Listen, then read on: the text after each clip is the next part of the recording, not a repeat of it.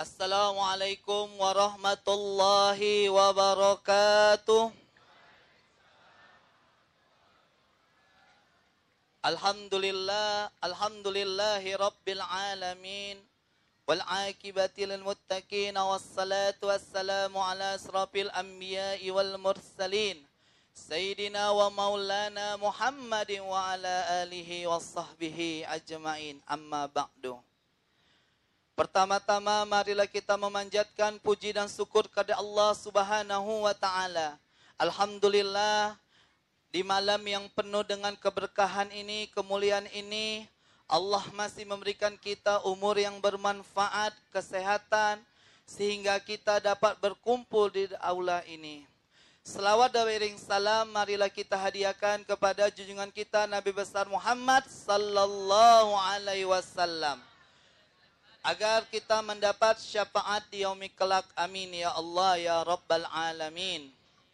Yang saya hormati Al-Mukarram Al-Ustad Kiai Haji Mufti Ahmad Nasihin, Al-Habib Haikal serta Habib-Habib, para ustad, para alim ulama.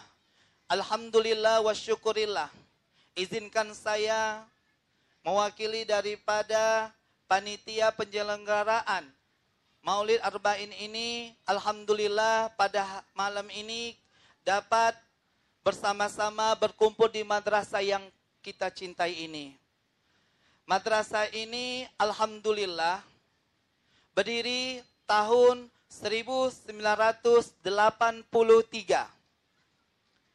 Alam, madrasah ini dikelola oleh Tanah Wakaf Habib Ustadz. Al-Ustadz Dr. Andes Haji Irwan Sulaiman.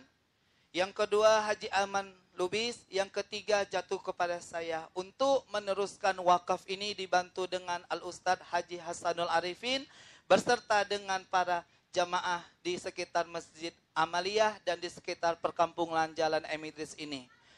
Saya cuma mengingatkan atau saya ingin memberitahu bahwasannya Alhamdulillah madrasah ini kurang lebih dua tahun sudah vakum. Tahun ini Alhamdulillah Ustadz Habib berkembang lagi dengan jumlah santri yang kurang lebih 45 santri. Di sini kami belajar tahsin Quran, bahasa Arab, nahu, sorof, fikih, tauhid, dan ilmu-ilmu agama lainnya. Alhamdulillah sekitar masyarakat kita ini memberikan amanah ini kepada saya dan kepada Al Ustaz Hasanul untuk membimbing santri-santri menjadi ihwanina ahtina yang soleh dan soleha. Mohon doanya Habib, mohon doanya Al Ustaz supaya madrasah kami ini tetap berjalan dengan sebaik-baiknya dan berjalan dengan lancar, tidak ada kendala. Dan doakan kami Al Ustaz Habib semoga kampung kami ini terhindar dari maksiat, dari bencana narkoba dan lain sebagainya. Allah turunkan anugerah rahmat di kampung kami ini. Mungkin ini sepatah dua kata Habib Al-Ustadz sekedar menyampaikan inilah riwayat madrasah kami terdiri daripada enam ruangan, satu ruang solat, tiga kamar mandi. Mungkin ini sepatah saya mewakili daripada jamaah sekitar Jalan M Idris. Lebih dan kurang saya mohon maaf. Akhiru kalam wabila taufik wal hidayah. Wassalamualaikum warahmatullahi wabarakatuh.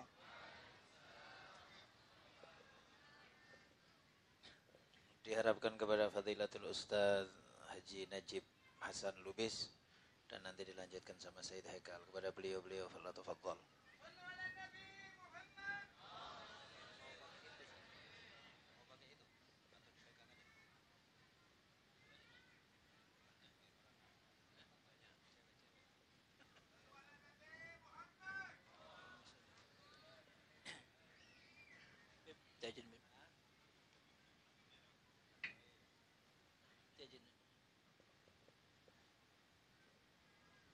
السلام عليكم ورحمة الله وبركاته.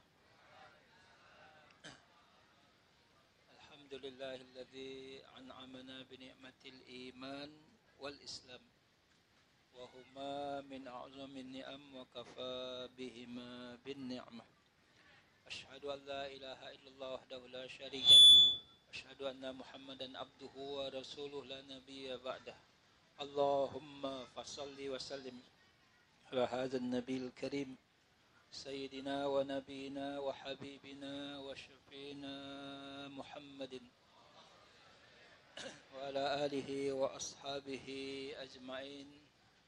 أما بعد yang kita muliakan bersama guru kita Kiai Haji Ahmad Kiai Haji Mufti Ahmad Nasihin. Hafizallah wa ahlah Begitu juga dengan para asadis yang lain. Dan Alhamdulillah Bersama kita saat ini hadir beberapa habaib. Turunan daripada baginda Rasulullah sallallahu alaihi wasallam dalam sebuah riwayat disebutkan apabila seseorang berbuat kebaikan kepada anak cucuku dan mereka belum sempat membalas kebaikan itu di dunia maka izinkanlah aku sebagai kakeknya akan memberikan balasan kebaikan kepada orang yang memberi kebaikan kepada anak cucuku di dunia ini. Mudah-mudahan kita termasuk di antara orang yang berbuat kebaikan kepada turunan daripada baginda Rasulullah sallallahu alaihi wasallam. Dan kita berharap syafaat daripada baginda Rasulullah SAW. Itu kalau kita muliakan, kalau kita hormati, kalau kita berbuat kebaikan kepada zuriat daripada baginda Rasulullah SAW. Bagaimana sebaliknya? Bagaimana sebaliknya? Sebagaimana yang terjadi terhadap zuriat baginda Rasulullah SAW. Al-Imam Al-Habib Muhammad Rizik Siap. Habib Bahar dan Habib-Habib yang lainnya yang mereka dizolimi di dunia ini. Apakah mungkin orang-orang yang menzolimi zuriat daripada baginda Rasulullah akan mendapat syafaat kelak di hari kiamat? maka sebuah pertanyaan yang besar. Oleh sebab itu, marilah kita muliakan zuriat daripada baginda Rasulullah sallallahu alaihi wasallam. Yang alhamdulillah beberapa orang hadir di tempat kita yang mulia ini.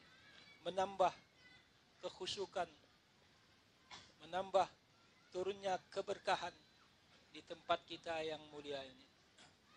Mudah-mudahan kampung kita ini dengan kita tadi bersolawat kepada junjungan baginda Rasulullah SAW.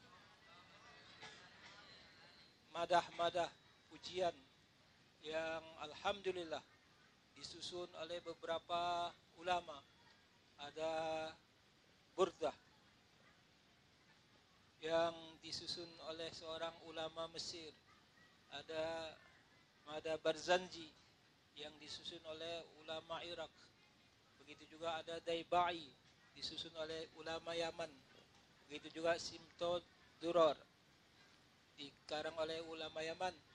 Dan Alhamdulillah telah kita baca tadi bersama Ad-Diyaul Lami yang disusun oleh guru daripada guru kita Al-Habib Umar Hafizahullah Semoga salawat-salawat yang senantiasa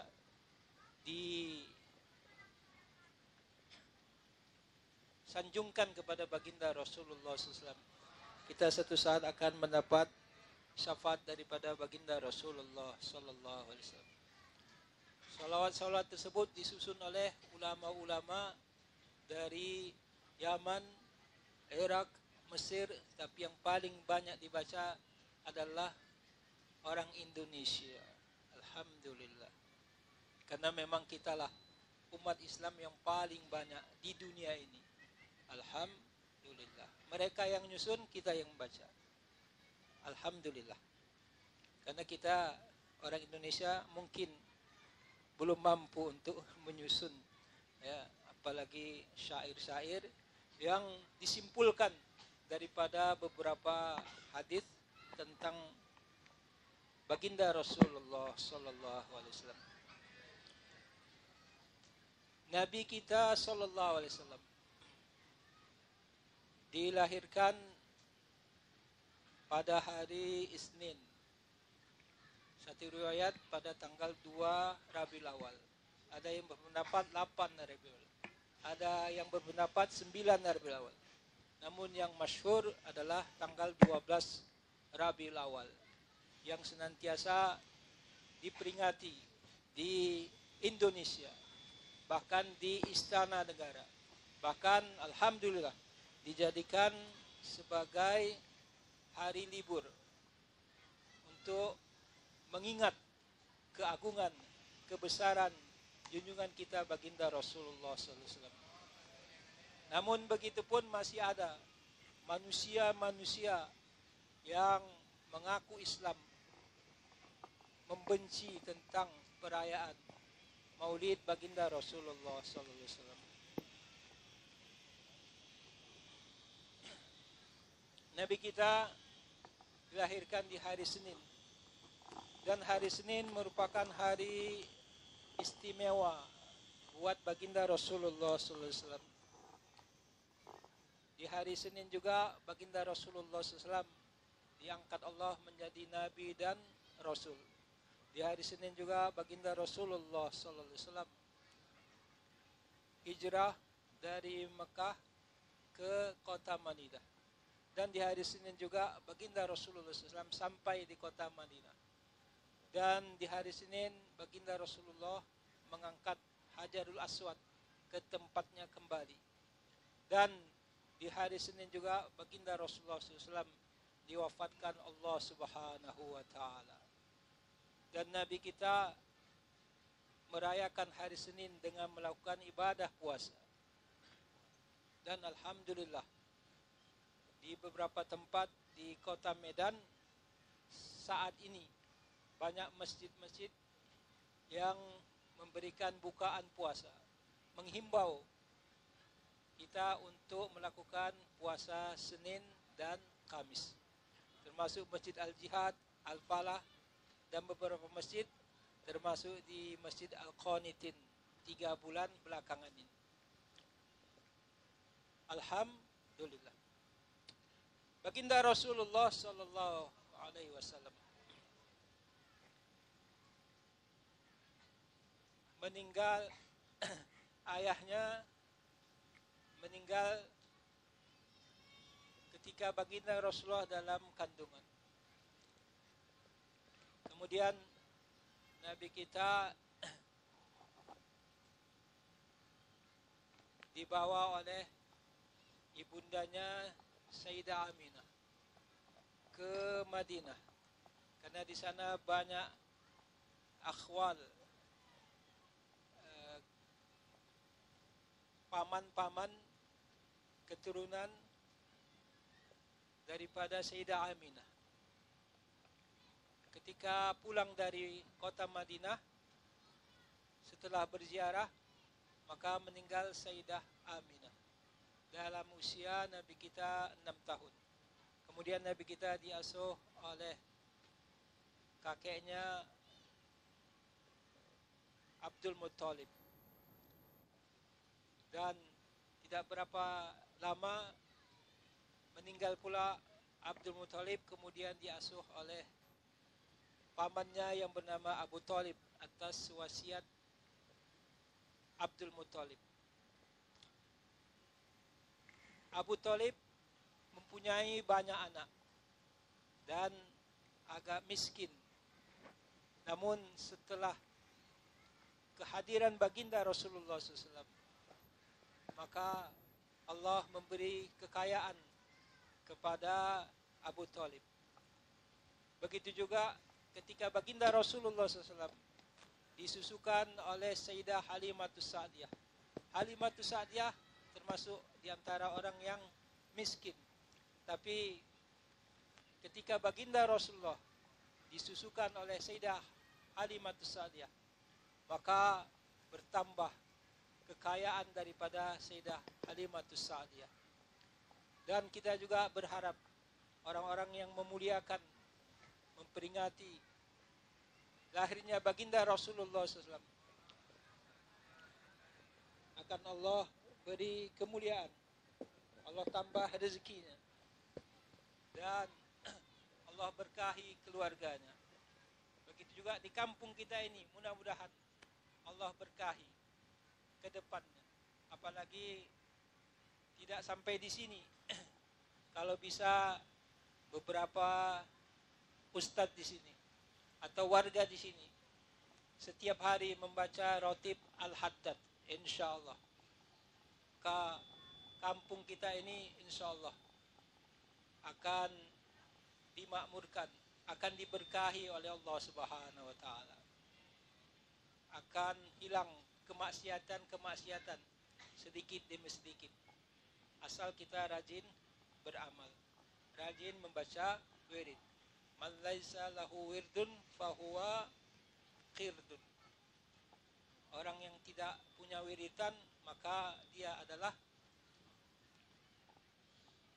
orang yang tidak punya wiritan maka dia ibarat jemaah yang nyambung itu.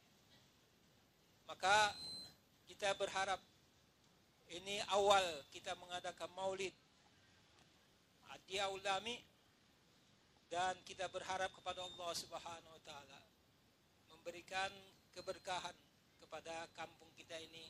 Amin ya rabbal alamin.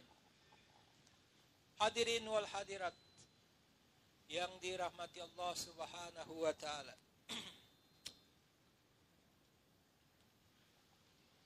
Tidak ada satu orang manusia pun di dunia ini yang semua kehidupannya dicatat dari sekecil-kecilnya sampai sebesar-besar. Bagaimana kulit baginda Rasulullah, bagaimana rambutnya, bagaimana akhlaknya, semua dicatat, ditulis, bahkan dijadikan contoh tauladan.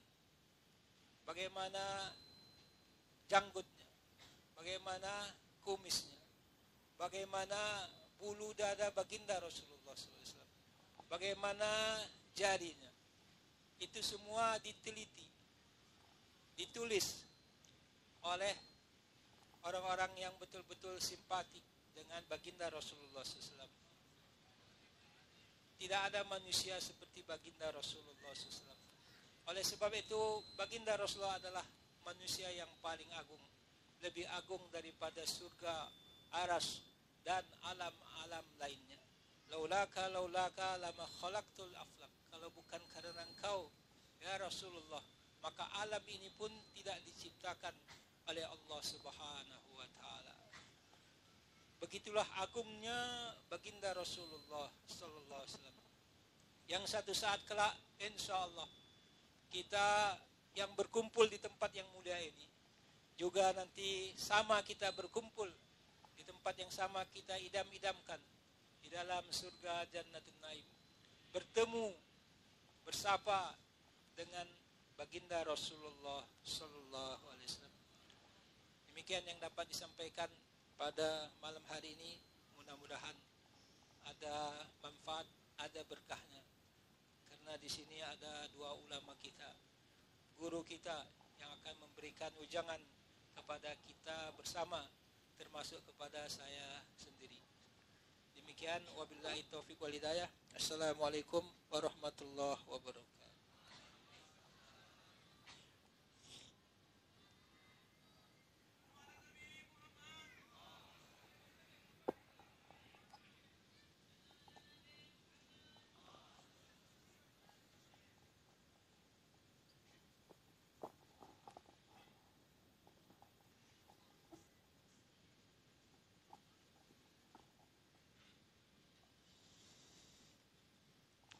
الحمد لله.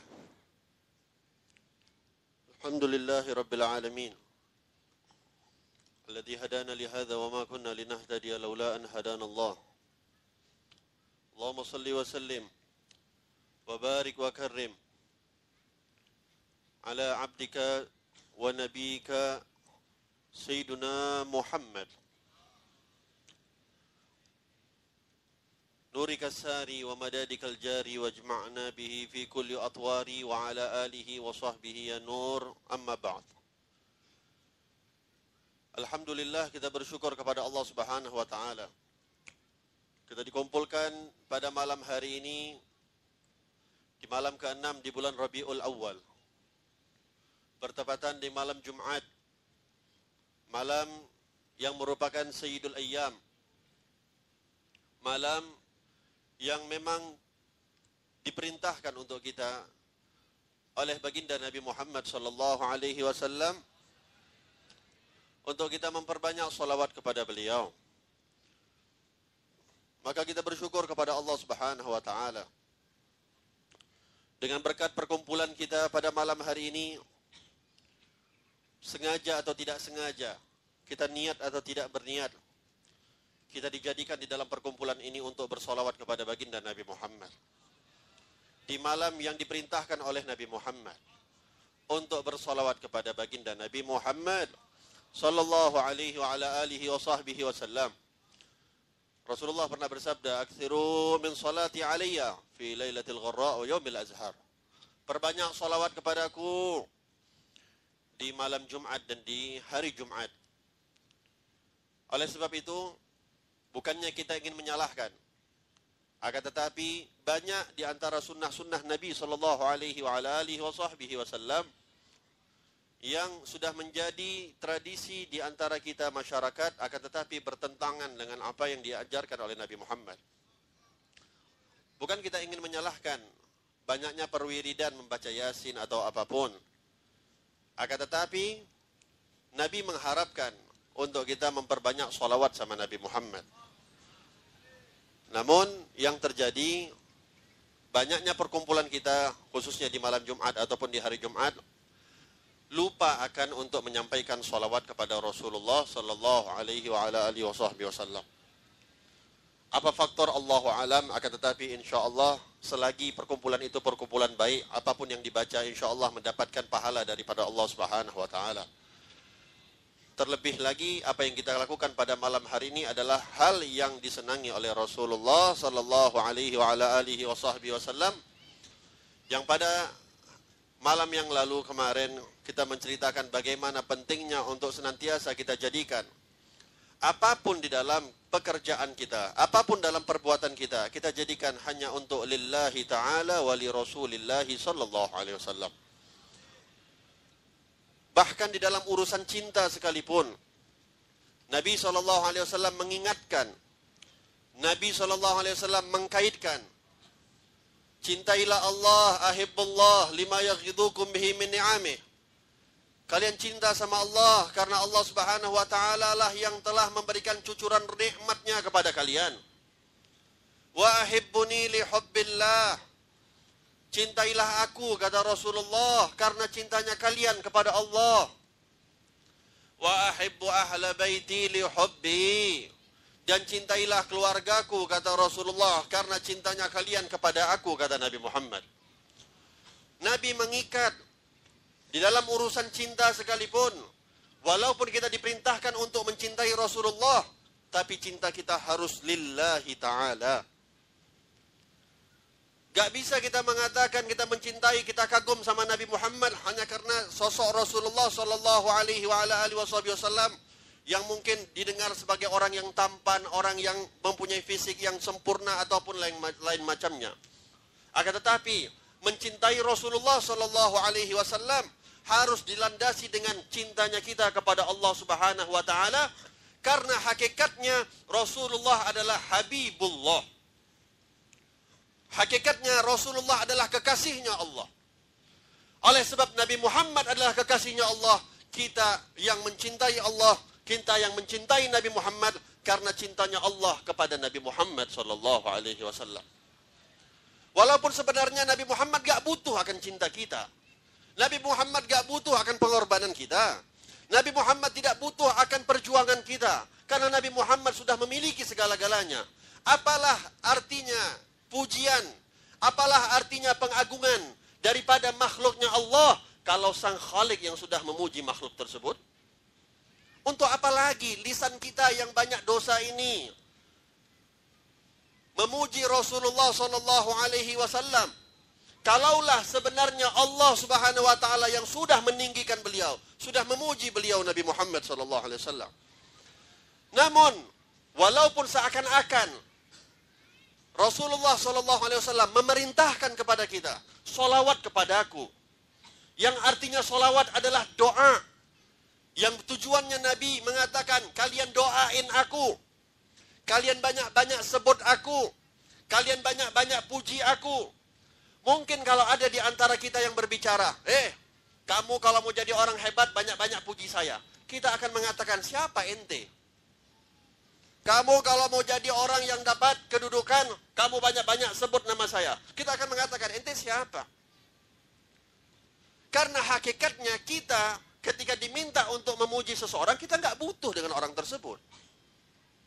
Akan tetapi Rasulullah Shallallahu Alaihi Wasallam ketika meminta kepada kita untuk bersolawat kepada beliau, mendoakan beliau, memuji beliau, mengagungkan beliau, karena Rasulullah sadar dan Rasulullah tahu bahwasanya bukan Nabi Muhammad yang butuh akan pujian kita, kita yang butuh memuji Rasulullah Shallallahu Alaihi Wasallam. Kita yang butuh untuk mendoakan Nabi karena apa? Diganjar oleh Allah Subhanahu wa taala. Orang yang mendoakan Nabi dibalas oleh Allah Subhanahu wa taala. Yang membalas Allah. Yang membalas langsung adalah yang menciptakan kita. Padahal kita bukan mendoakan untuk langsung kepada Allah, kita mendoakan Nabi Muhammad. Kenapa dibalas oleh Allah? Karena yang didoakan adalah makhluk yang paling disayang oleh Allah Subhanahu wa taala. Oleh sebab itu hadirin hadirat yang dirahmati oleh Allah. Kemarin kita cerita bagaimana pentingnya untuk selantiasa kita mengedepankan apa pun yang kita lakukan lillahi taala. Kedepankan apa pun yang kita lakukan karena Rasulullah sallallahu alaihi wasallam. Kita diperintahkan untuk mencium Hajar Aswad. Kita diperintahkan untuk melihat Ka'bah, mengagungkan Ka'bah. Untuk apa kalau bukan karena Allah yang perintahkan demikian? Untuk apa kita cium hajar aswad kalau bukan karena Rasulullah yang pernah cium hajar aswad? Sampai Sayyidina Umar bin Al-Khattab pernah berbicara di depan hajar aswad. Berbicara di depan batu Sayyidina Umar. Kata Sayyidina Umar bin Al-Khattab, eh batu hitam, kalaulah bukan karena Rasulullah, aku melihat Rasulullah mencium engkau, maka demi Allah tidak akan pernah aku mau cium engkau. Sayyidina Umar bin Al-Khattab mau mencium Hajar Aswad karena tahu kekasihnya pernah mencium Hajar Aswad. Dan Sayyidina Umar sadar sesuatu yang pernah dicium oleh Rasulullah sesuatu adalah benda yang mulia. Ka'bah, kenapa kita disuruh agungkan Ka'bah? Karena Ka'bah adalah rumahnya Allah. Bukan sekedar kita mengagungkan Ka'bah hanya bangunan petak saja. Akan tetapi ada kemuliaan yang Allah berikan kepada bangunan tersebut. Sehingga karena kemuliaan yang Allah berikan kepada bangunan tersebut dan kita mencintai kepada Allah, kita agungkan Allah, kita pun harus mengagungkan apapun yang diagungkan oleh Allah Subhanahu wa taala termasuk kita memperbanyak salawat kepada Nabi Muhammad sallallahu alaihi wasallam tidak lain dan tidak bukan karena keagungan kita karena penghormatan kita untuk Nabi Muhammad sallallahu alaihi wasallam kita capek ya ikhwan kita dalam hidup semuanya sulit untuk kita mendapatkan ada orang-orang yang ikhlas di dalam berbuat. Mau berbuat sesuatu pasti ada tujuannya. Mau buat ini ada tujuannya. Duduk di majlis ta'lim pun bukan karena Allah, bukan karena Rasulullah. Sekarang bentar lagi nih udah mulai musimnya. Yang nggak pernah nampak hadir majlis, cari-cari majlis. Tapi yang dicari majelisnya yang rame-rame. Kenapa? Mau pilkada. Nanti kalau sudah habis, selesai, ditinggal itu majelis. Kapan jumpa? Lima tahun lagi kalau milih lagi. Istilah kata kita ini adalah orang-orang yang banyak modusnya.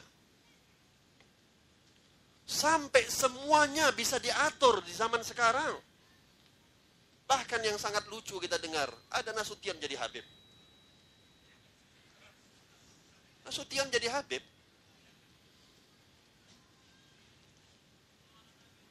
Pakai imamah. Pakai sorban, pakai jubah.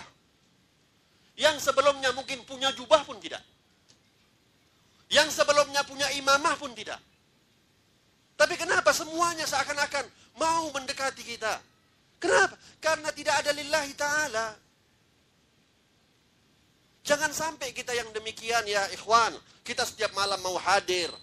Ke sana, kemari. Kita hadir maulid di dalam 40 malam ini. Sayanglah kalau anda masih punya tujuan-tujuan selain untuk Allah dan Rasulullah.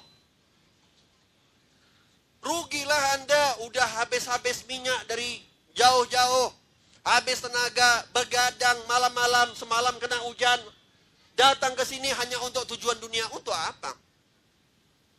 Kita sudah capek ya ikhwan. Kita sudah capek berurusan yang orang ujung-ujungnya UUD, ujung-ujungnya duit.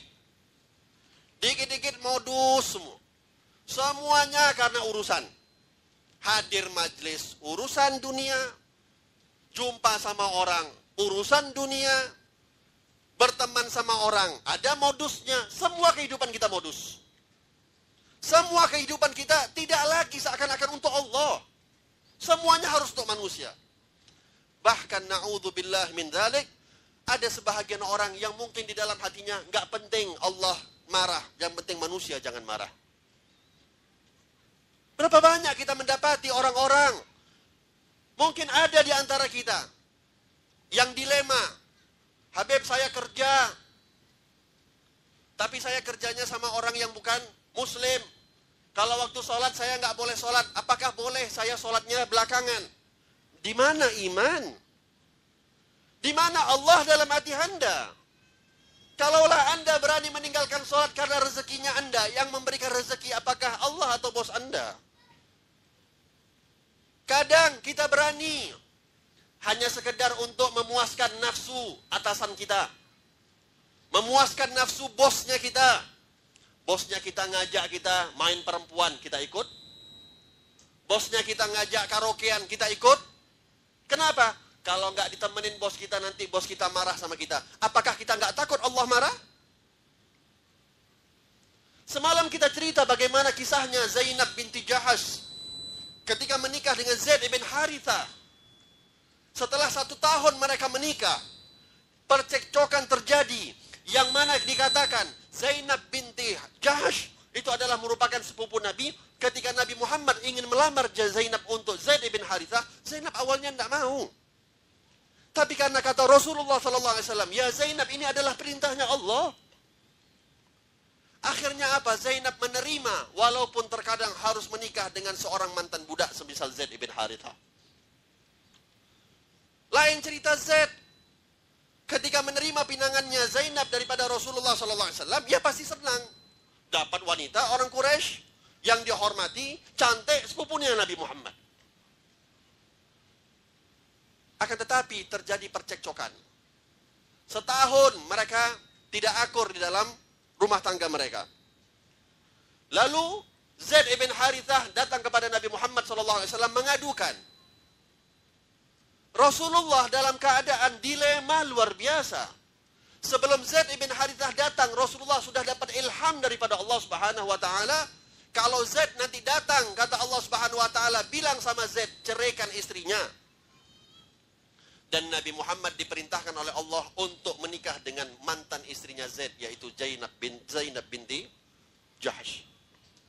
Anda bayangkan, ini Zaid ibn Harithah, anak angkat yang sangat disayang oleh Rasulullah. Anak angkat yang paling dimanja oleh Rasulullah. Sangat diperhatikan oleh Rasulullah. Ketika datang Zaid mengadu kepada Nabi Muhammad, dilema sebelumnya diperintahkan oleh Allah untuk cerai. Tapi bagaimana perasaannya Rasulullah mengatakan kepada Zaid, Zaid, kamu ceraikan. Terus kenapa ya Rasulullah kok diceraikan? Ya biar nanti aku kawinin istri kamu. Coba kita yang dalam posisi demikian. Dilema kita. Di satu sisi adalah perintahnya Allah, di satu sisi di satu sisi kita menjaga perasaan anak angkat kita sendiri. Tapi Nabi Muhammad dalam keadaan sifat rauf. Nabi mengatakan kepada Zaid, sedikit mengenyampingkan daripada apa yang diperintah oleh Allah Subhanahu wa taala. Nabi mengatakan kepada Zaid, tahan, sabar istrimu. Sabar engkau dengan istrimu, tahan-tahan dulu, jangan langsung kau cerai. Akhirnya pulang, ditegur oleh Allah Subhanahu wa taala. Wa taghsyan nas wallahu ahqqu an taghsya. Kamu takut sama manusia? Kamu takut sama jaga perasaannya manusia? Bukankah Allah yang lebih berhak untuk engkau takuti wahai Nabi Muhammad? Ini dalam keadaan posisi yang sangat sulit ya ikhwan. Tapi Allah ingin segala sesuatu itu dikerjakan lillahi ta'ala. Apa pun kalau sudah perintahnya Allah kerjakan, jangan pakai tanya. Kenapa ini dikerjakan, kenapa ini gak dikerjakan, kenapa ini dan itu. Dikerjakan kalau Allah perintahkan. Akhirnya memang kodok dan kodarnya Allah telah terjadi. Allah memerintahkan Zaid dan Zainab untuk berpisah. Walaupun dengan tanpa campur tangannya Rasulullah, Zaid akhirnya menceraikan Zainab binti Jahsh. Akhirnya Nabi Muhammad datang kedua kalinya ke rumah Zainab binti Jahsh. Ketika mau diketok pintu, Zainab sudah menunggu Rasulullah mau datang. Walaupun sudah menikah satu tahun dengan Zaid ibn Haritha, hatinya tidak berpaling dengan Nabi Muhammad. Hatinya masih tergila-gila cinta kepada Rasulullah. Akhirnya Nabi Muhammad datang mengatakan kepada Zainab, Zainab, engkau mau aku nikahi, uh, engkau mau aku lamar. Zainab bilang, ya Rasulullah untuk siapa lagi? Udah trauma yang pertama. Kata Rasulullah, untuk aku wahai Zainab. Ya namanya perempuan lah ya. Siapa yang nggak mau dilamar oleh Nabi Muhammad? Wanita mana yang nggak mau dilamar oleh Rasulullah? Memang di depannya Nabi Muhammad pura-pura jaga mahal, jual mahal. Masuk kamar, yes. Dilamar oleh Nabi Muhammad. Siapa yang nggak senang? Walhasil terjadilah pernikahan. Zaid ibn Harithah, mantan istrinya Zainab binti Jahash, itu pun menikah dengan Ummu Aiman. Sehingga qadaknya Allah subhanahu wa ta'ala, Zaid ibn Harithah menikah dengan Ummu Aiman, mendapatkan seorang anak yang bernama Usamah bin Zaid. Usamah bin Zaid ini adalah salah seorang sahabat Nabi yang Nabi perintahkan untuk menjadi pemimpin perang sebelum Rasulullah wafat dan peperangan itu belum terjadi sampai Nabi Muhammad wafat akan tetapi sudah ditunjuk oleh Rasulullah bahwasanya yang memimpin peperangan ini adalah Usamah bin Zaid. Anda tahu siapa yang menjadi pasukannya? Di antaranya ada Sayyidina Abu Bakar. Di antaranya ada Sayyidina Umar. Dan mereka pembesar-pembesar para sahabat umur Usamah bin Zaid ketika itu dikatakan umurnya 14 atau 15 tahun. Anak baru selesai ujian nasional udah menjadi pemimpin perang yang dipimpin pun adalah Sayyidina Abu Bakar dan Sayyidina Umar bin Al-Khattab. Apa singkat daripada cerita ini semua adalah menunjukkan bahwasanya lillahi taala itu penting. Kenapa Allah tidak langsung menikahkan Zainab dengan Nabi Muhammad? Toh kalau ujung-ujungnya Zainab akan menikah dengan Rasulullah, kenapa nggak langsung? Kenapa harus lewat Zaid bin Harithah dulu? Kenapa harus diputar-putar dulu? Karena Allah ingin melihat Zainab itu menikah dengan Nabi Muhammad lillah atau untuk dirinya sendiri. Kalau memang untuk lillahi ta'ala, bukan karena untuk kepentingannya diri sendiri, maka dengan siapa pun yang diperintahkan oleh Allah, dia harus siap. Dan Zainab membuktikan dia siap. Karena kesiapannya tersebut, akhirnya Allah memberikan yang terbaik untuk Zainab menikah dengan Nabi Muhammad sallallahu alaihi wa ala alihi wa sahbihi wasallam. Oleh sebab itu ya ikhwan, capeklah kita kalau hidupnya harus modus terus. Mau ibadah modus, sholat di masjid, masuk masjid, selfie dulu. Tengok, oh saya di masjid ini. Kirim ke mana-mana. Biar dibilang kita ahli masjid. Kasih sedekah, kasih infak, foto dulu. Kita nggak melihat orang yang diberikan.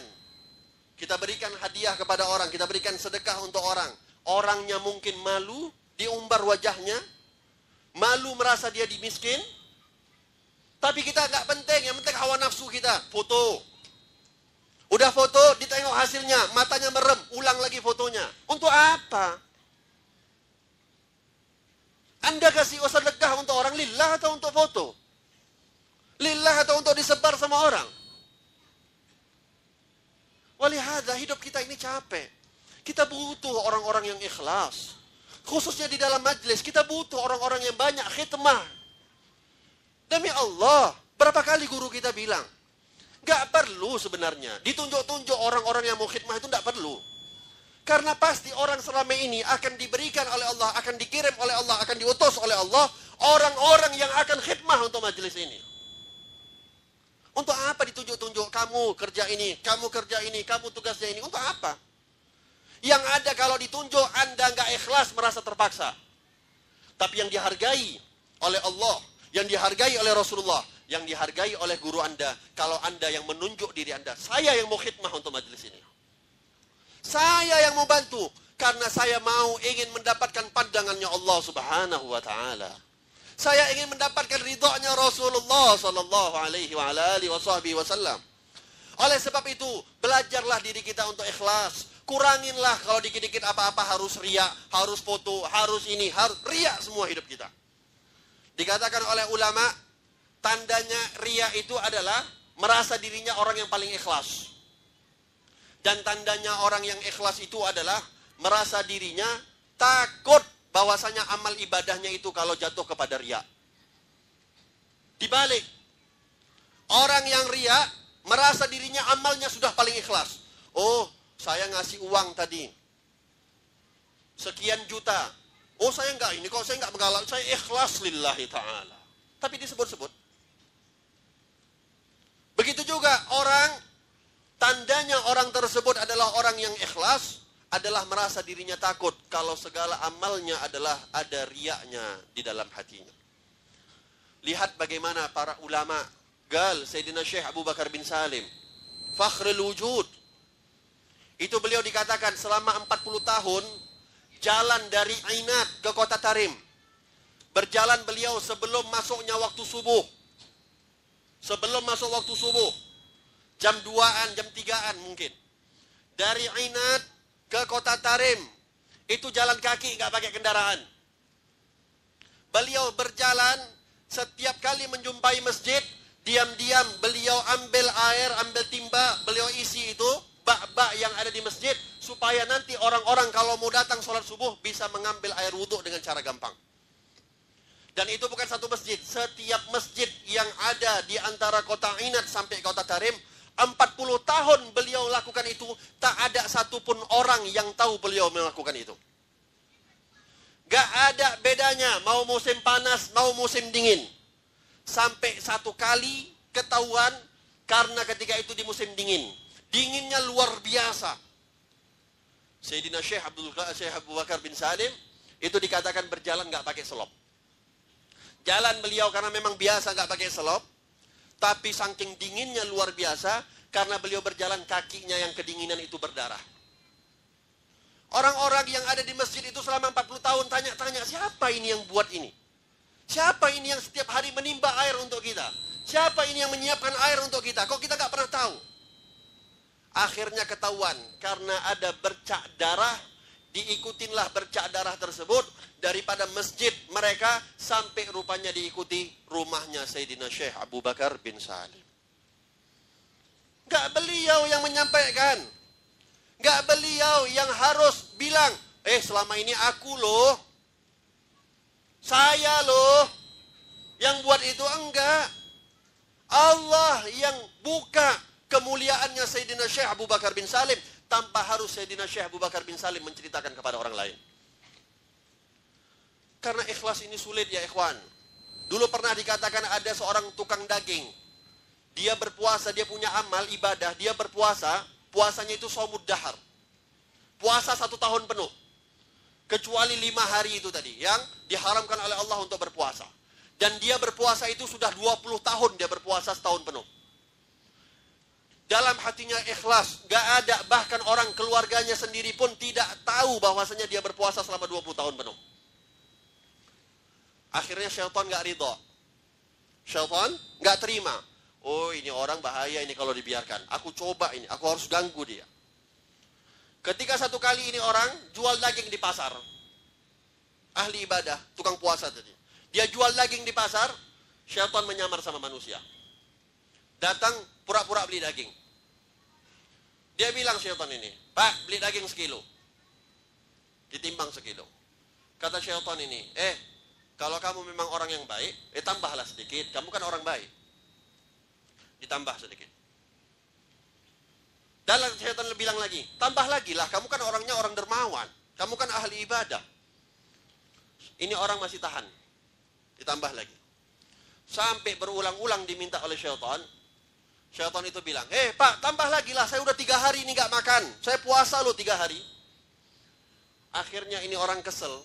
Tukang roti, tukang daging ini kesel. Dia bilang apa sama syaitan itu? Wujud manusia. Dia bilang, eh kamu ini baru tiga hari saja sudah sibuknya begitu, saya 20 tahun ibadah, nggak pernah sibuk seperti kamu. Akhirnya kata syaitan, ah, kelas. Saya nggak jadi beli daging kamu. Loh kenapa? Saya cuma mau mencari keluar daripada mulut kamu, kamu mengungkapkan bahwasanya kamu ibadah 20 tahun dan orang-orang yang ada di sekeliling kamu sudah mengetahuinya sekarang bahwasanya kamu adalah 20 tahun tidak dianggap ibadahnya oleh Allah. 20 tahun ibadahnya nggak dianggap oleh Allah Subhanahu wa taala. Kenapa? Dia sudah berani mengungkapkan bahwasanya 20 tahun dia berpuasa. Lah kita mana? Kita ini adalah orang-orang yang mungkin dikatakan oleh Sayyidina Fudail bin Iyad. Fudail bin Iyad itu pernah bilang, dulu para salaf kata beliau, mereka menyembunyikan apa yang mereka amalkan. Mereka menyembunyikan apa yang mereka amalkan. Akan datang nanti masanya, orang-orang akan bangga dengan apa yang tidak dia amalkan. Salaf, mereka beramal, disembunyikan sebisa mungkin. Akan datang masa, kata Fudail Iyad, yang mana orang nanti mereka akan bangga dengan bukan apa yang mereka lakukan. Lah ini kita. Cuman foto saja di masjid, nggak sholat, kita sebar, dipuji-puji sama orang. Oh, Masya Allah kamu ahli ibadah, sudah sampai ke masjid ini, sudah sampai ke sini. Padahal masuk masjid, wala sholat dua rakaat.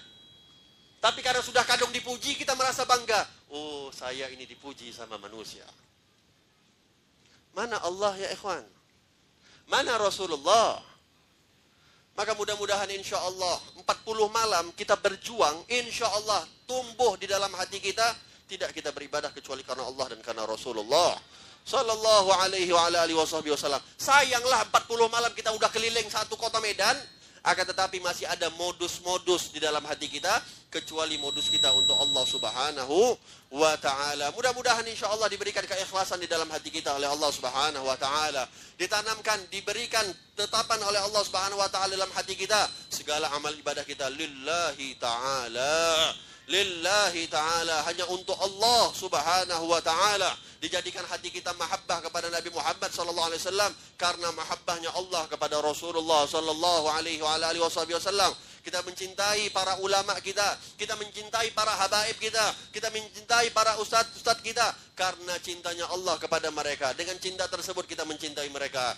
Mudah-mudahan insyaallah ditanamkan di dalam hati kita rasa mahabbah setiap malam ditambah oleh Allah Subhanahu wa taala kepada orang-orang yang diridhai oleh Allah Subhanahu wa taala. Mahabbah kepada baginda Nabi Muhammad sallallahu alaihi wa ala alihi wa sahbihi wasallam yang mana dengan mahabbah tersebut, rasa cinta tersebut, insyaallah kita dimatikan oleh Allah Subhanahu wa taala membawa rasa cinta kepada baginda Nabi Muhammad sallallahu alaihi wa ala alihi disebut nyawa kita oleh Allah Subhanahu wa taala dalam keadaan penuh mahabbah di dalam hati kita kepada Rasulullah.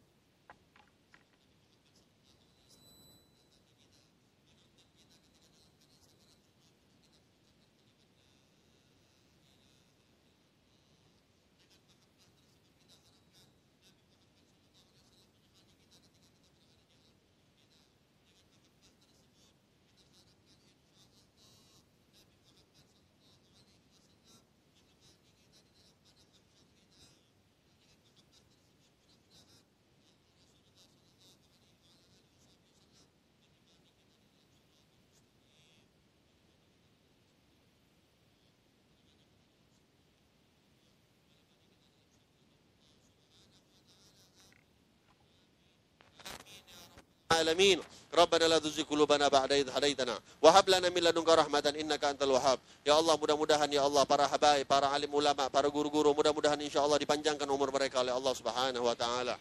Madrasah ini ya Allah mudah-mudahan insya Allah menjadi madrasah yang bermanfaat insya Allah menjadikan ulama-ulama insya Allah diberikan kesehatan kepada pengurusnya kepada orang-orang ikut andil di dalam madrasah ini. Mudah-mudahan insya Allah dijaga terus oleh Allah Subhanahu wa taala.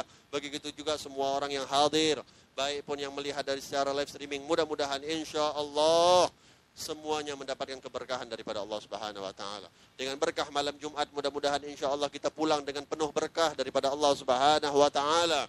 Mudah-mudahan insya Allah dengan penuh mahabbah kepada baginda Nabi Muhammad sallallahu alaihi wa ala alihi wasallam. ربنا آتنا في الدنيا حسنة وفي الآخرة حسنة وقنا عذاب النار. ربنا هب لنا من أزواجنا وذرياتنا قرة أعين واجعلنا للمتقين إماما. اللهم اختم علينا يا الله بحسن الخاتمة ولا تختم علينا يا الله بسوء الخاتمة. ربنا تقبل منا إنك أنت السميع العليم وتب علينا إنك أنت التواب الرحيم. صلى الله على سيدنا محمد وعلى آله وصحبه وسلم والحمد لله رب العالمين. والعفو منكم.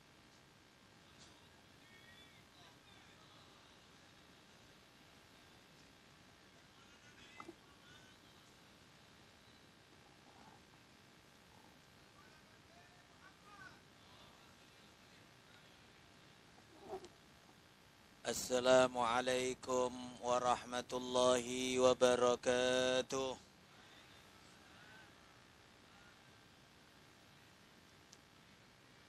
الحمد لله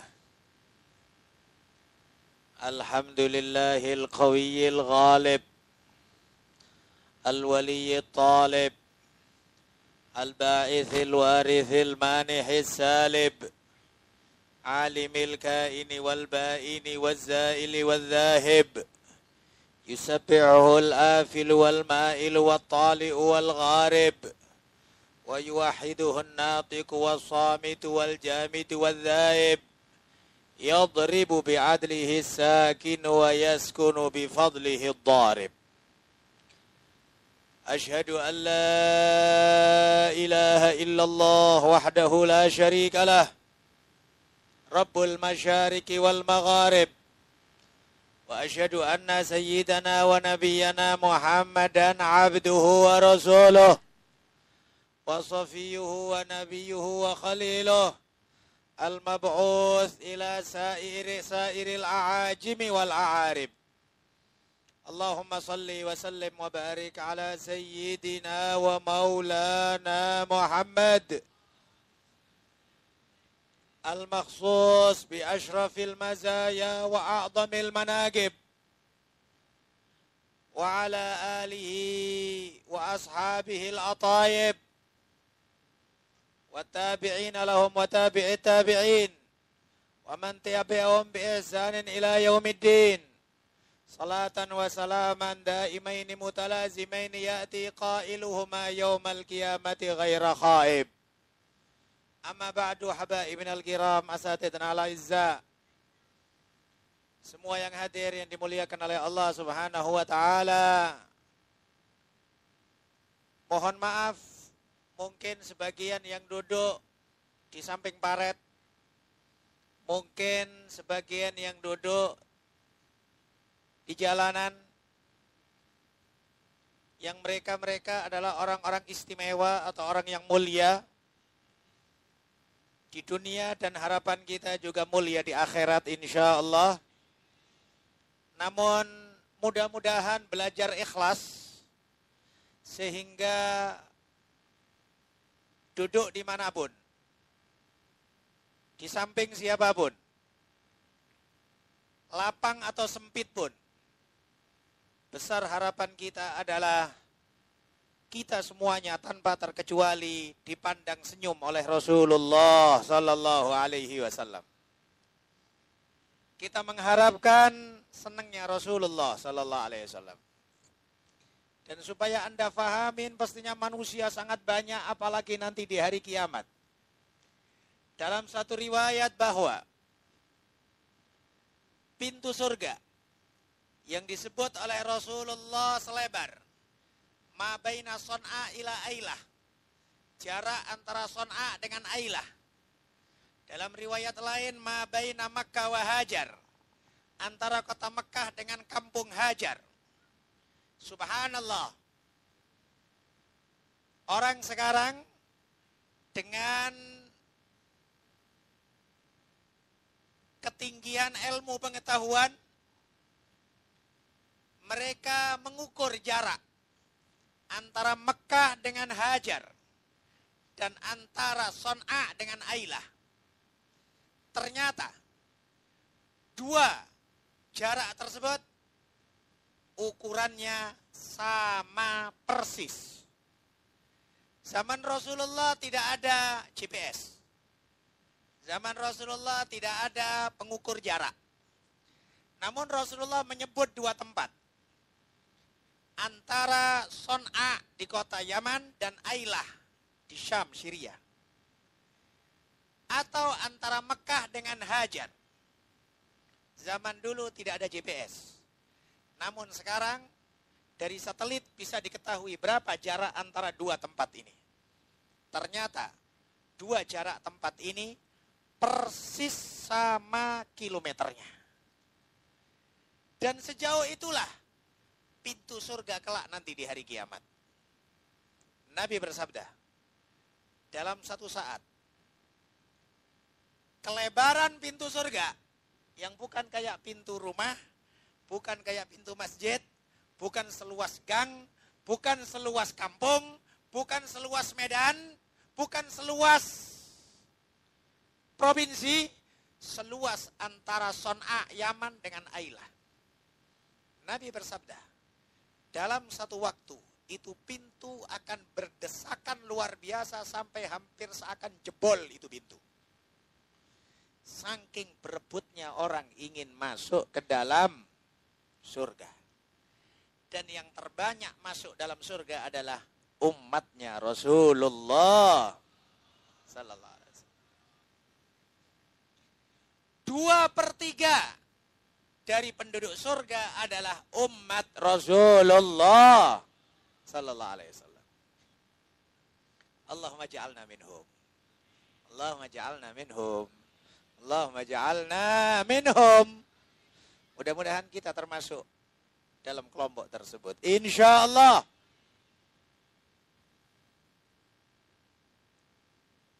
Syarat utama orang masuk surga Sebelum berbicara, Anda dapat buku catatan dari kanan atau kiri. Sebelum urusan mizan, timbangan amal Anda lebih kuat, amal solehnya. Daripada perbuatan buruknya. Sebelum kita berbicara, Anda sanggup melewatin sirat atau tidak melewatin sirat. Ukuran pertama kali adalah anda di hari kiamat jumpa atau tidak dengan Rasulullah.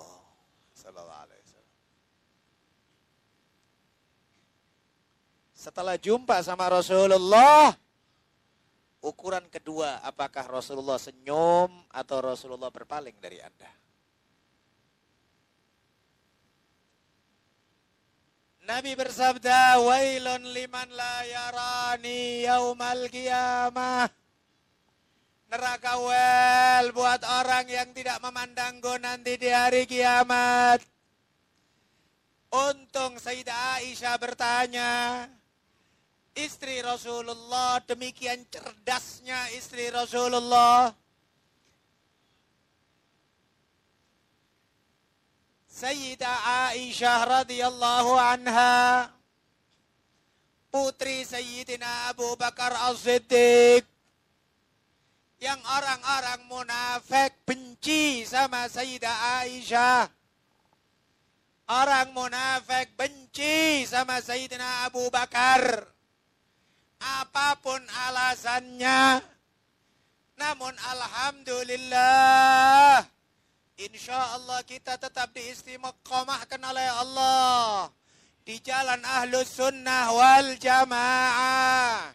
Cinta Rasulullah cinta Sayyidina Abu Bakar As-Siddiq, cinta Sayyidina Umar bin Khattab, cinta Sayyidina Uthman bin Affan, cinta Sayyidina Ali bin Abi Talib, cinta semua sahabat Rasulullah, cinta semua ahlul bait Rasulullah, cinta semua salihin.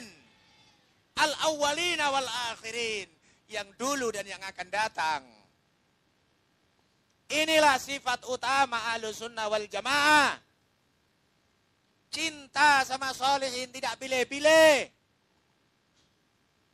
Diajarkan oleh Rasulullah.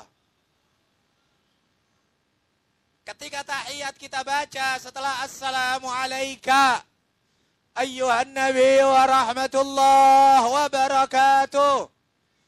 Assalamu alayna wa ala ibadillahi salihin. Semua hamba-hamba Allah yang saleh kita cintai.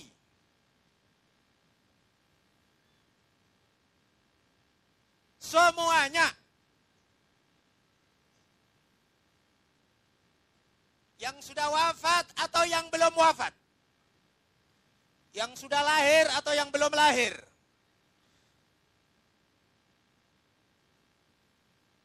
Alam manusia atau alam jin. Selama mereka salihin, kita cinta kepada mereka dan kita mengharapkan keberkahan dari semuanya. Kita mengharapkan keberkahan dari semuanya kita ambil ilmu dari semuanya.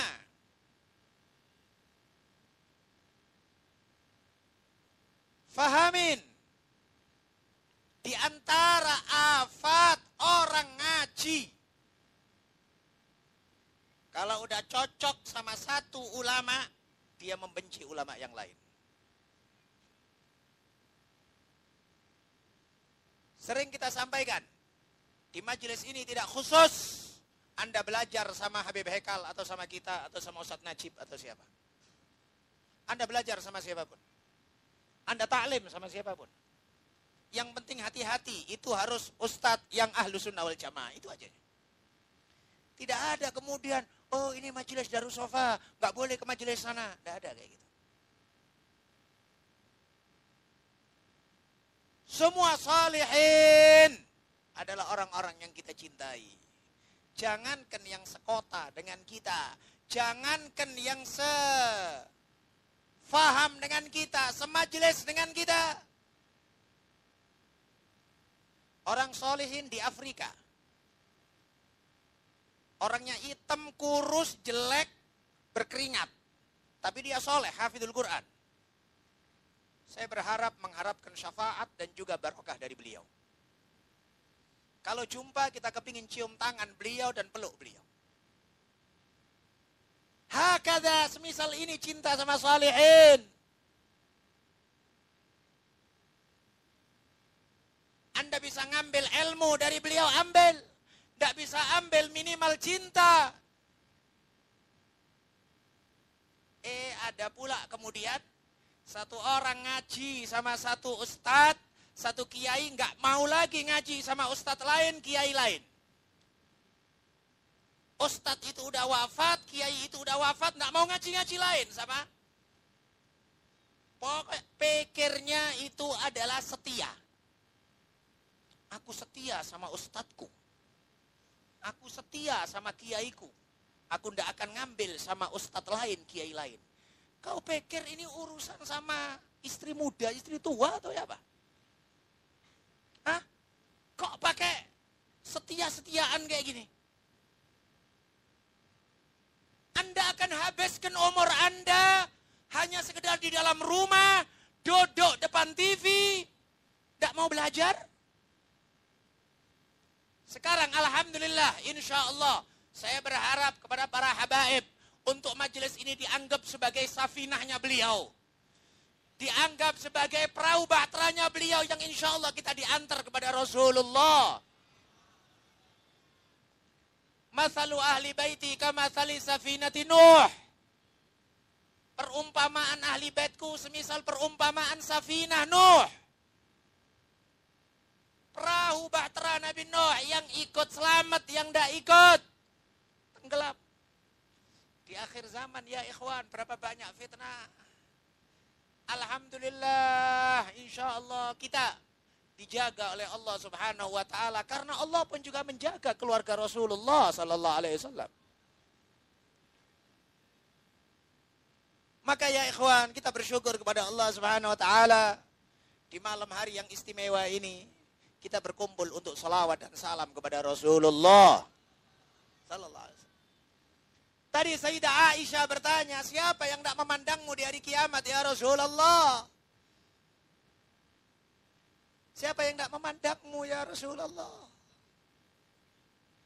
Gak kebayang ya ikhwan kalau udah di dunia gak memandang di akhirat lagi gak memandang. Ya wailoh. Neraka wel udah udah jelas sudah.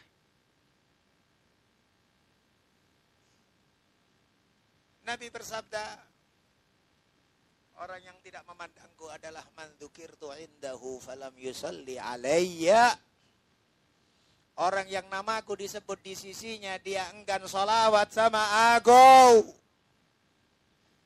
Mulutnya diam. Mulutnya tidak tergerak. Jiwanya tidak tergugah. Ruh imannya tidak bisa bangkit. Padahal tidak ada nama yang lebih mulia setelah nama Allah Subhanahu wa taala melebihi nama Nabi Muhammad.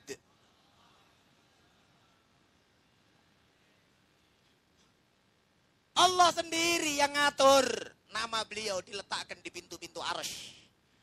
Di tiang-tiang arsh, di pintu surga, di dedaunan-dedaunan pohon surga. Bahkan dalam sebuah riwayat di leher-leher bidadari ada tulisan la ilaha illallah Muhammadar. Kau pingin cium leher bidadari, kau cium nama Nabi Muhammad.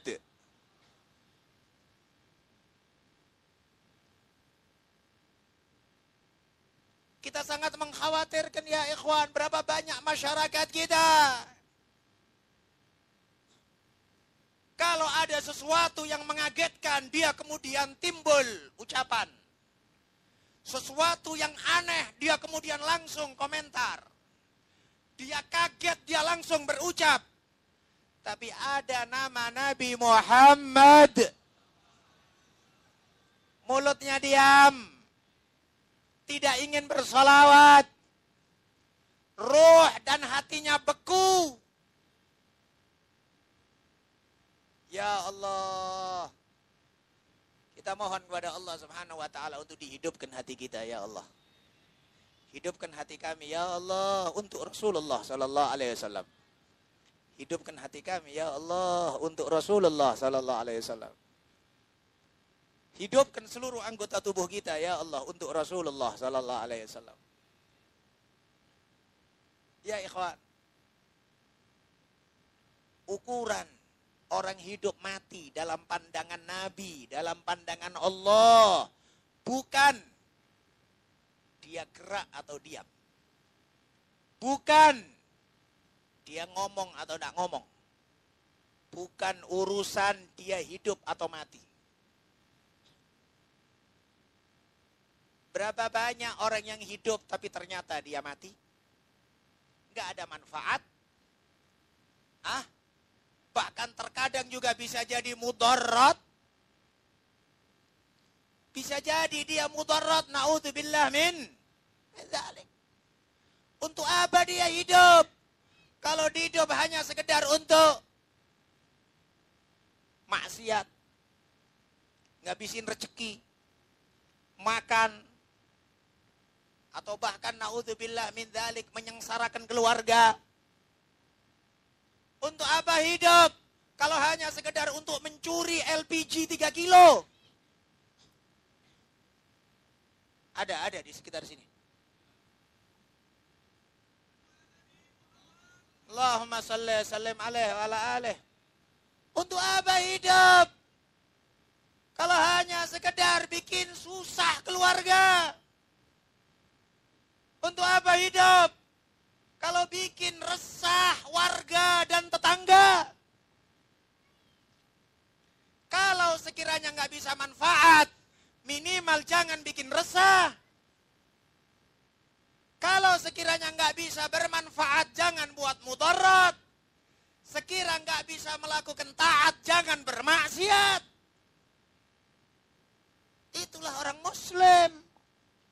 Itulah orang mukmin.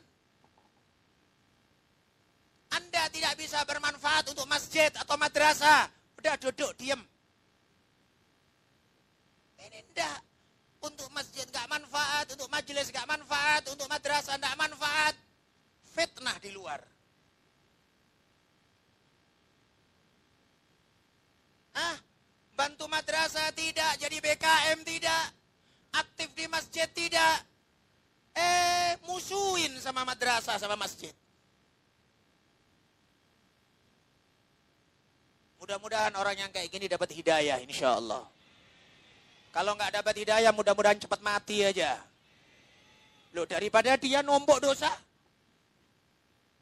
Daripada nombok dosa.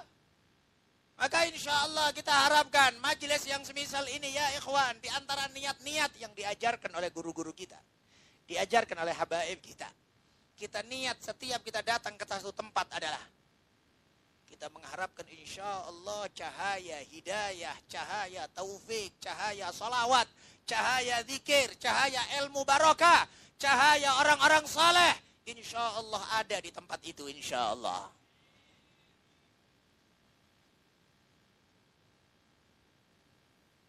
Dan keberkahan sebuah majelis tidak terduga-duga. Mungkin kita hanya duduk di sini dua jam, habis itu bubar.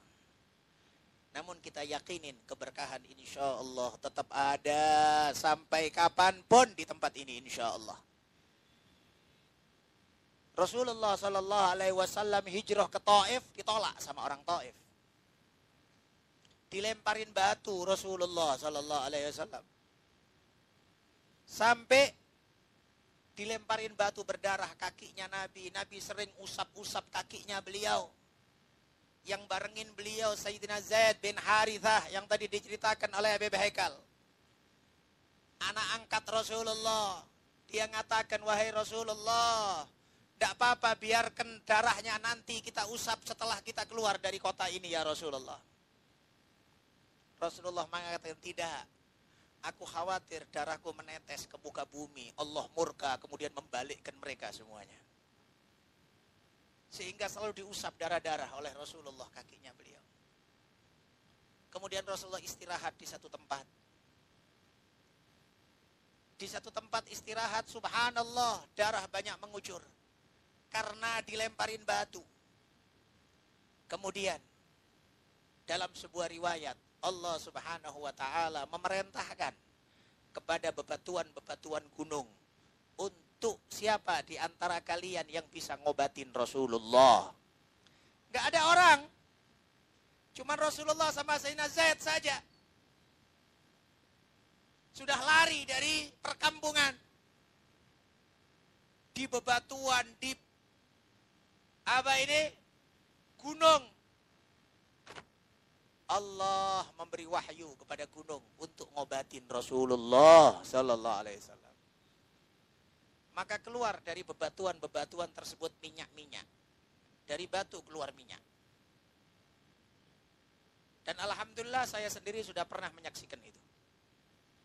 Di Taif ada masjid. Yang masjid itu sekarang sama mereka-mereka ini wah. Itu ya, wah, bah, wah itu tak tadi. Iya itu. Itu selalu dicat dengan atau dikasih semen dan dicat yang sekiranya tidak bisa keluar minyak. Namun tetap ada bekas-bekasnya. Jadi minyak sedikit-sedikit ada keluar-keluar dari dari bebatuan tersebut. Ada masjid kecil di Taif, bebatuan. Coba Anda bayangkan batu keluar minyak.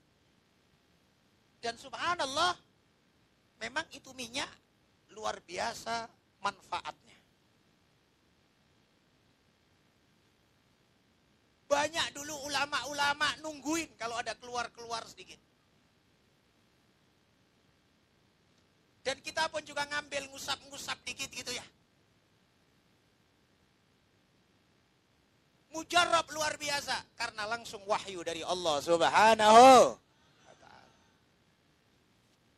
Rasulullah wasallam istirahat sejenak. Kemudian ada orang kafir yang kasihan. Ada aja orang kafir yang masih kasihan. Kemudian dikasihnya beberapa kurma, disuruhlah budaknya ini namanya Adas. Dan tidak jauh dari situ memang dibangun masjid namanya Masjid Adas di Taif tersebut. Adas ini akhirnya nanti masuk Islam. Adas budak si orang kafir ini datang kepada Rasulullah Sallallahu Alaihi Wasallam memberi kurma dari tuannya. Kemudian Rasulullah ngambil kurma mengatakan Bismillahirrahmanirrahim. Adas heran. Kemudian nanya, dari mana anda kok mengucapkan sesuatu yang tidak pernah kami dengarkan sama sekali? Nabi mengatakan, aku dari Mekah. Aku Nabi. Kemudian Nabi bertanya, engkau dari mana wahai saudaraku? Siapa namamu? Ini orang mengatakan, aku namaku Adas dari Nainawa. Rasulullah mengatakan, Nainawa, Koryat Akhi Yunus bin Matta. Oh Nainawa, kampungnya saudaraku Yunus bin Matta. Nabi Yunus. Ini Adas kaget. Tahu dari mana anda Nainawa? Tahu dari mana anda Yunus? Gal huwa nabi wa ana nabi. Dia nabi, aku juga nabi. Kami bersaudara dalam kenabian. Fa'akab ba'adas, adas langsung sujud di hadapan Rasulullah dan beriman kepada Rasulullah sallallahu alaihi wasallam. Ya ikhwan. Gagal apa enggak? Ini dakwah di Taif. Dilemparin batu, diusir, diejek. Tidak ya ikhwan. Malaikat gunung datang kepada Rasulullah Sallallahu Alaihi Wasallam dan minta izin untuk membalikkan mereka dan mengangkat gunung dan dijatuhkan kepada orang Taif. Apa jawab Rasulullah? La, jangan. Inni la arju min Allah ayyukhrij min aslabihim man yu'min bihadzal amr. Aku mengharap Allah mengeluarkan dari sulbi-sulbi mereka orang yang mau beriman kepada agama ini. Orang yang melemparin beliau, orang yang ngejek beliau, orang yang ngusir beliau, orang yang nyakitin beliau, masih dipikir sama beliau anak turunnya, anak cucunya masih dipikir oleh Rasulullah Sallallahu Alaihi Wasallam. Kita ya ikhwan, kadang-kadang anak kawan kita sendiri nggak kita pikir. Kawan kita udah wafat, anak kawan kita nggak kita pikir. Apalagi mau mikir anaknya musuh. Belajar dari Rasulullah. Ini tadi kita sampaikan dakwah Rasulullah bukannya tidak berhasil di Taif. Namun meskipun waktu berjalan, waktu berjalan pasti akan ada manfaatnya. Bukan dakwah itu kemudian kontan. Kita pun sebetulnya mohon maaf banyak yang ngomong dari para asatid. Alhamdulillah, syukurlah majelis Darussafa udah rame. Sebetulnya kita pun takutnya sama Allah Subhanahu wa taala ini istidraj. Kita takut sama Allah, jangan sampai ini kita ini dilulu sama Allah. Dulu kiai-kiai kita yang lebih alim dari kita, yang lebih saleh, yang lebih warak, yang lebih hati-hati, yang lebih ikhlas, tidak dapatkan majelis yang semisal ini ya ikhwan. Maka kita oleh sebab itu selalu gandeng para habaib. Kita kepingin minta doa dari semuanya. Mudah-mudahan majelis ini dijaga oleh Allah subhanahu wa ta'ala. Mudah-mudahan majelis ini tetap dalam ridhonya Allah subhanahu wa ta'ala. Kita tidak disibukkan dengan urusan kehormatan semu. Kita tidak disibukkan dengan urusan kemuliaan sesaat. Kita tidak perlu disibukkan dengan hal-hal yang bersifat duniawi dan materi. Namun kita harapkan ya ikhwan Rabbana la tuzih qulubana ba'da idh hadaitana wa hab lana min ladunka rahmah innaka antal wahhab diperkuat rahmat dalam hati kita selalu diturunkan oleh Allah kepada kita rahmat. Selalu kita berada di area rahmat. Di dunia sampai nanti di akhirat. Kita menyebarkan rahmat. Dan kita pun juga mengharapkan rahmatnya rahmat. Baginda Nabi Muhammad. Wa ma arsalnaka illa rahmatan. Illa rahmatan. Illa rahmatan. Lil alamin. Mudah-mudahan kita bagian sempurna ya ikhwan dari rahmatnya Rasulullah sallallahu alaihi wasallam. Perbanyak salawat khususnya di malam yang semisal ini, di hari yang semisal ini malam Jumat dan hari Jum. Jumat. Subhanallah. Kenapa Rasulullah perintah kita untuk banyak salawat di hari Jumat? Karena malam Jumat, hari Jumat adalah Sayyidul Ayyam. Malam Jumat, hari Jumat adalah Sayyidul Ayyam, rajanya semua hari. Termulia dari semua hari. Maka yang paling mencocoki adalah solawat kepada Rasulullah Sallallahu Alaihi Wasallam yang termulia dari semua amal. Yang termulia dari semua amal. Dan yang disolawati adalah Rasulullah Sallallahu Alaihi Wasallam yang termulia dari semua makhluk. Yang teragung dari semua makhluk. Udah. Lebih dari itu. Kejadian hari kiamat adalah hari Jumat. Terjadinya hari kiamat adalah hari Jumat. Dan dahsyatnya hari Jumat tidak ada yang bisa menyelesaikan kecuali Rasulullah sallallahu alaihi wasallam. Allahumma salli wa sallim mubarak alaihi wa ala alihi. Perbanyak salawat sama Rasulullah ya ikhwan. Selesai urusan Anda di hari kiamat. Gampang urusan Anda di hari kiamat. Tidak merendahkan amal apa pun ya ikhwan. Tapi Nabi bersabda, Aulad nas bi yaumal qiyamah aktsaruhum alayya salatan. Yang paling berhak dekat dengan aku nanti di hari kiamat adalah yang paling banyak solawatnya sama aku. Jangan kemudian nanti di hari kiamat kemudian bawa-bawa aku kepling. Jangan bawa-bawa nanti di hari kiamat aku lurah. Jangan bawa-bawa nanti di hari kiamat aku ustad. Jangan bawa-bawa nanti di hari kiamat aku BKM. Yang paling berhak duduk dekat dengan Rasulullah adalah yang paling banyak solawatnya sama Rasulullah. Ala qad hal Aku sudah sampaikan? Udah sampaikan ya ikhwan?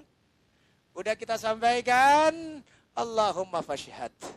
Allahumma fashhad. Saksikan ya Allah. Udah kita sampaikan semuanya. Kita berharap ya ikhwan dengan solawat ini. Solawat ini paling mudah, paling gampang untuk menyelesaikan semua urusan. Paling mudah, semua urusan. Anda sakit, baca solawat tipil gulub, selesai. Anda kepingin kaya, banyak solawat. Semalam diceritain sama Buya Rozak. Ya. Anda banyak utang, banyak solawat, selesai. Anda kepingin punya rumah, banyak solawat, selesai. Yang mau kawin, banyak solawat, selesai. Yang mau nambah, banyak solawat, selesai. Ada solawat untuk cari tambahan istri.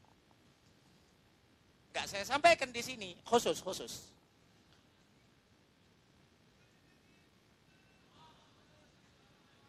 Ya. Maka di sini ya ikhwan, semua urusan selesai. Hah? Orang takut balak, baca salawat, selesai. Jangankan urusan dunia, urusan akhirat saja selesai kok. Hanya saja kembali kepada kita ya ikhwan. Apakah kita yakin atau tidak?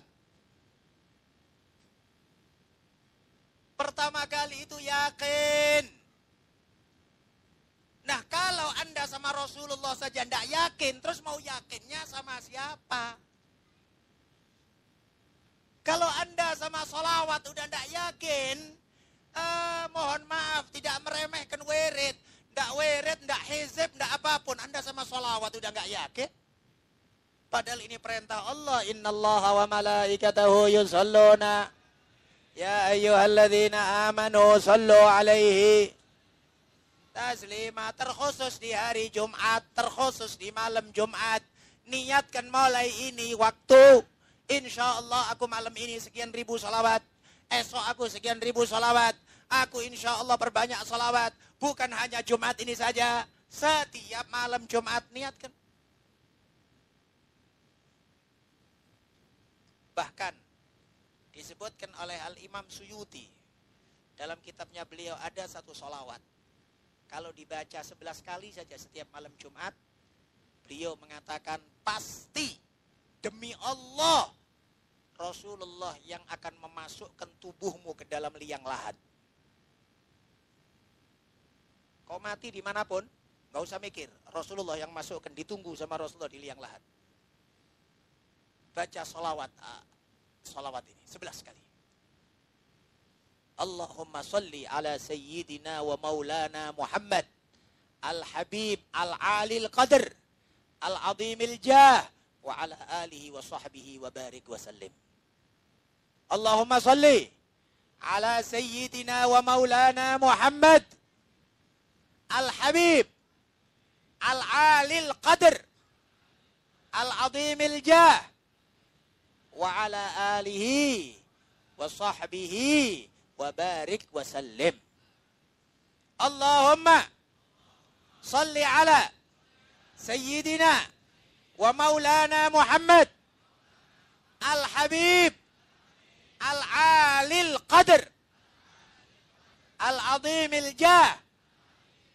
وعلى آله وصحبه وبارك وسلم.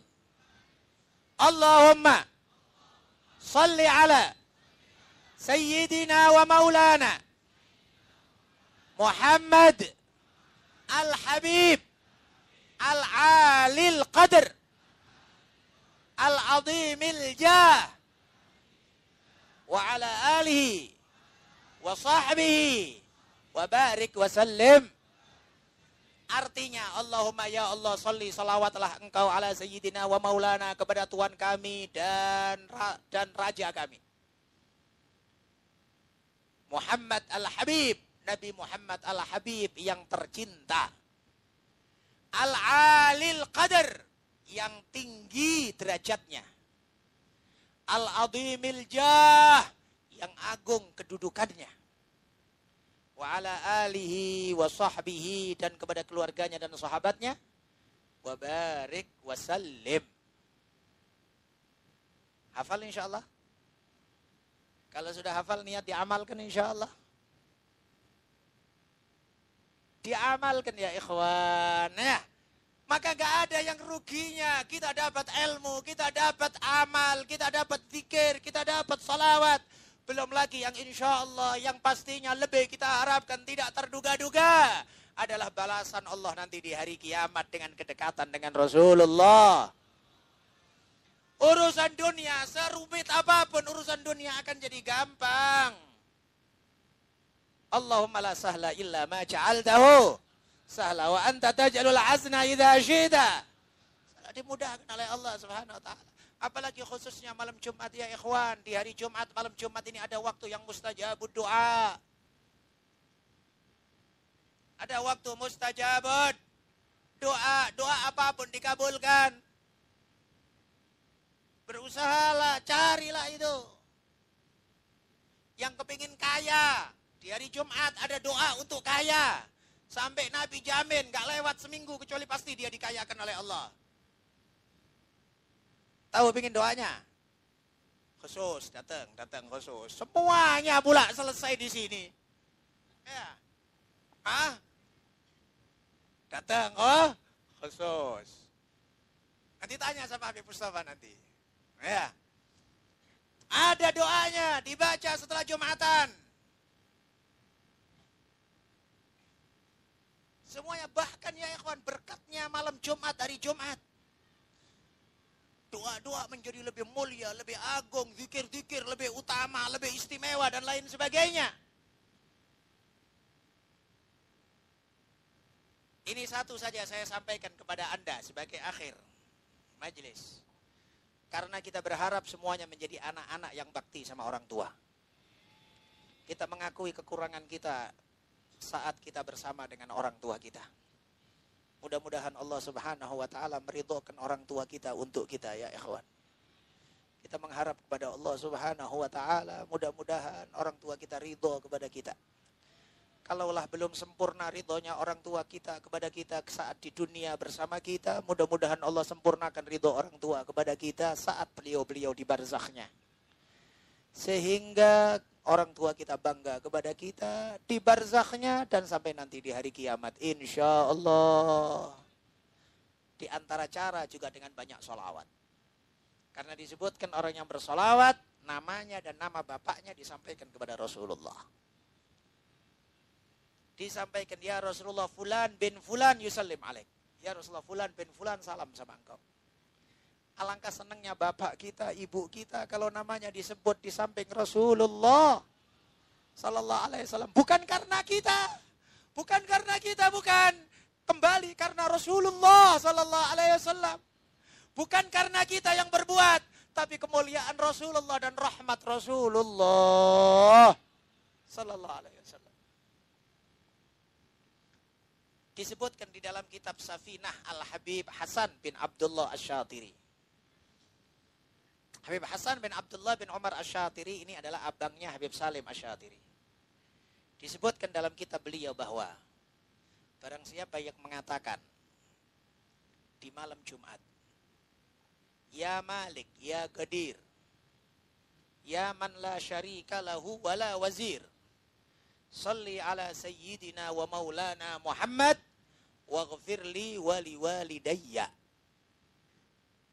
Singkat. Ya Malik ya Gadir. Ya man la syarika lahu wa la wazir. Salli ala sayyidina Muhammad waghfir li wali walidayya. Ya Malik ya Gadir. Ya man la syarika lahu wala wazir.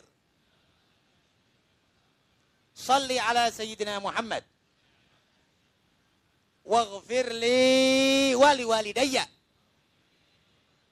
Ya Malik ya Gadir. Ya man la syarika lahu. Wala wazir. Salli ala Sayyidina Muhammad waghfir li wali walidayya. Ya Malik ya Gadir, wahai raja, maharaja Allah. Ya Malik, wahai maharaja. Ya Gadir, wahai zat yang maha kuasa. Ya man la syarika lahu wala wazir, wahai zat yang tidak ada sekutu baginya. Wala wazir dan tidak ada menteri untuknya. Tidak pakai menteri-menterian Allah. Salli ala Sayyidina Muhammad. Salawatlah kepada Sayyidina Muhammad. Waghfir li wali walidayya. Ampunkan aku dan kedua orang tuaku. Disebutkan dalam riwayat orang yang baca ini malam Jumat tiga kali. Maka tidak ada hak wajib yang semestinya harus ditunaikan seorang anak kepada orang tua kecuali Allah telah mencatat untuknya dan Allah meridhokan kedua orang tuanya untuk dia. Gampang kan? Kalau orang bilang enak-enak aja itu majelis ngasih ngasih amalan kayak gini. Itulah ilmu. Itulah pentingnya ngaji. Saya tidak merendahkan sholat jamaah, saya tidak merendahkan qobliyah ba'diyah. Tapi berapa banyak amal-amal yang tidak diketahui kecuali harus duduk sama ulama. Kecuali harus ngaji bawa kitab. Inilah pentingnya ilmu. Oleh sebab itu jangan jauh dari majelis ilmu. Anda akan lebih aktif, lebih aktif, lebih aktif di majelis akan Anda dapatkan ilmu-ilmu, zikir-zikir, weret-weret yang lebih utama dari yang sudah disampaikan. Beruntung, tidak ada ruginya orang ngaji ya Tuhan. Tidak ada ruginya orang taklim. Hanya urusan masih berat hasut-hasutan, iri-irian, dengki-dengkian, dendam-dendaman. Aduh, nggak ada selesainya ya. Aku nggak cocok sama pengurus itu. Aku nggak cocok sama panitianya. Aku nggak cocok sama BKM. Aku nggak cocok sama orang. Mau sampai kapan? Hah? Ya udah. Anda cocok, nggak cocok. Hadir majelis taklim, dapatkan ilmu. Anda amalkan, Anda untung dunia akhirat. Mudah-mudahan diberkahi oleh Allah Subhanahu wa taala. Mudah-mudahan insya Allah majelis selalu diridhoi oleh Allah Subhanahu wa taala. Malam ini Allah Subhanahu wa taala memandang kita dengan pandangan ridhonya sehingga insya Allah yang ditulis oleh Allah di Lauhil Mahfud sebagai orang yang bahagia mudah-mudahan ditetapkan oleh Allah Subhanahu wa taala dan ditambah kebahagiaan di atas kebahagiaannya dunia akhirat. Dan andai ada yang di sekitar kita, ada yang ditulis sebagai orang syaki, celaka di akhirat, kita mohon kepada Allah Subhanahu wa taala berkatnya Rasulullah sallallahu alaihi wasallam, keagungan Rasulullah sallallahu alaihi wasallam, kecintaannya Allah kepada Rasulullah sallallahu alaihi wasallam, hak keagungan dan kemuliaannya Rasulullah sallallahu alaihi wasallam demi rahmatnya Rasulullah sallallahu alaihi wasallam kita mohon kepada Allah untuk namanya dirubah oleh Allah menjadi orang yang bahagia dunia akhirat. Menjadi orang yang bahagia dunia akhirat. Min as'adin nas. Di antara orang yang paling bahagia dengan syafaat Rasulullah. Orang yang paling bahagia dengan menghidupkan sunnah Rasulullah Orang yang paling bahagia dengan khidmah kepada agama Rasulullah. Orang yang paling bahagia dengan mengikuti syariat Rasulullah. Orang yang paling bahagia dengan kedekatan di hadirat Rasulullah Dunia akhirat. Amin. Amin. Amin. Amin. Amin. Amin. آمين يا رب العالمين ولقد أشرت لنعت من أوصافه تحيي القلوب تهيج الأشجان والله قد أثنى عليه فما يساوي القول منا أو يكون ثنانا lakinna hubban fis sarairi qad rabbina wa hadana. Wa bil mawaddati hauna narfa'u aidi للواحد الأحد العلي إلهنا متوسلين بمن إليه دعانا. مختاره وحبيبه وصفيه زين الوجود بالإله وحبانا. يا ربنا يا ربنا يا ربنا بالمصطفى اقبلنا أجب دعوانا. أنت لنا أنت لنا يا ذخرنا في هذه الدنيا وفي أخرانا. أصلح لنا الأحوال واغفر ذنبنا ولا تؤاخذ ربي إن أخطأنا. واسلك بنا في نجطاء المصطفى ثبت على قدم الحبيب خطانا. أرنا بفضل منك طلعت أحمد في باجة عين الرضا ترعانا. واربط به في كل حال حبلنا وحبال من ودى ومن والانا. يا الله. والمحسنين ومن أجاب نداءنا وذوي الحقوق وطالبا أوصانا. والحاضرين وسائيا في جمعنا. نحن بين يديك أنت ترانا. ولقد رجوناك فاكك سولنا واسمع بفضلك يا سميع دعانا. وانصر بنا سنة طه في بقاء الأرض واقمع كل من عادانا. وانظر إلينا وانظر إلينا وانظر إلينا واسكنا كأس لنا واشفي وعافي عاجلا مرضانا. يا الله. واقض لنا الحاجات وأسن ختمنا عند الممات وأصلحا عقبانا. يا الله. يا ربي واجمعنا وأحبابا لنا في دارك الفردوس. يا رزوانا يا ربي واجمعنا وأحبابا لنا في دارك الفردوس. يا رجوانا يا ربي واجمعنا وأحبابا لنا في دارك الفردوس. يا رجوانا يا الله. المصطفى صل عليه وآله ما حركت ريح الصبا غصانا.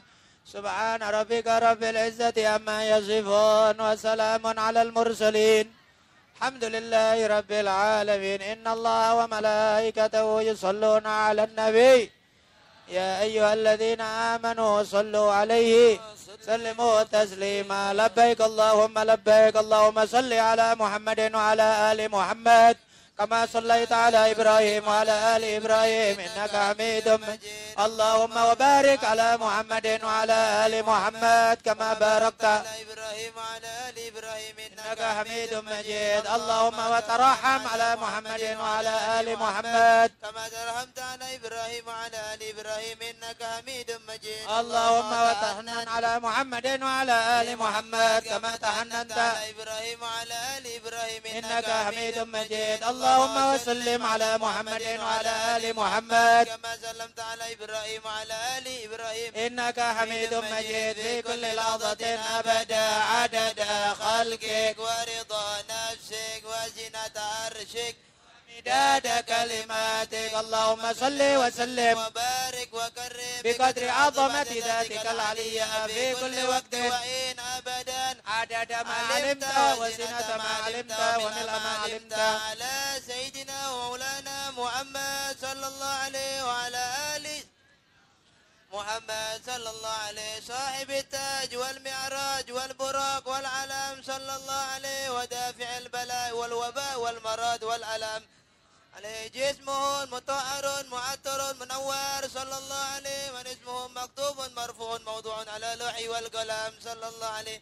الدعاء بدر الدجى نور الهدى مصباح الظلام. صلى الله عليه أبي القاسم سيد الكونين. قال صلى الله عليه أبي القاسم سيدنا محمد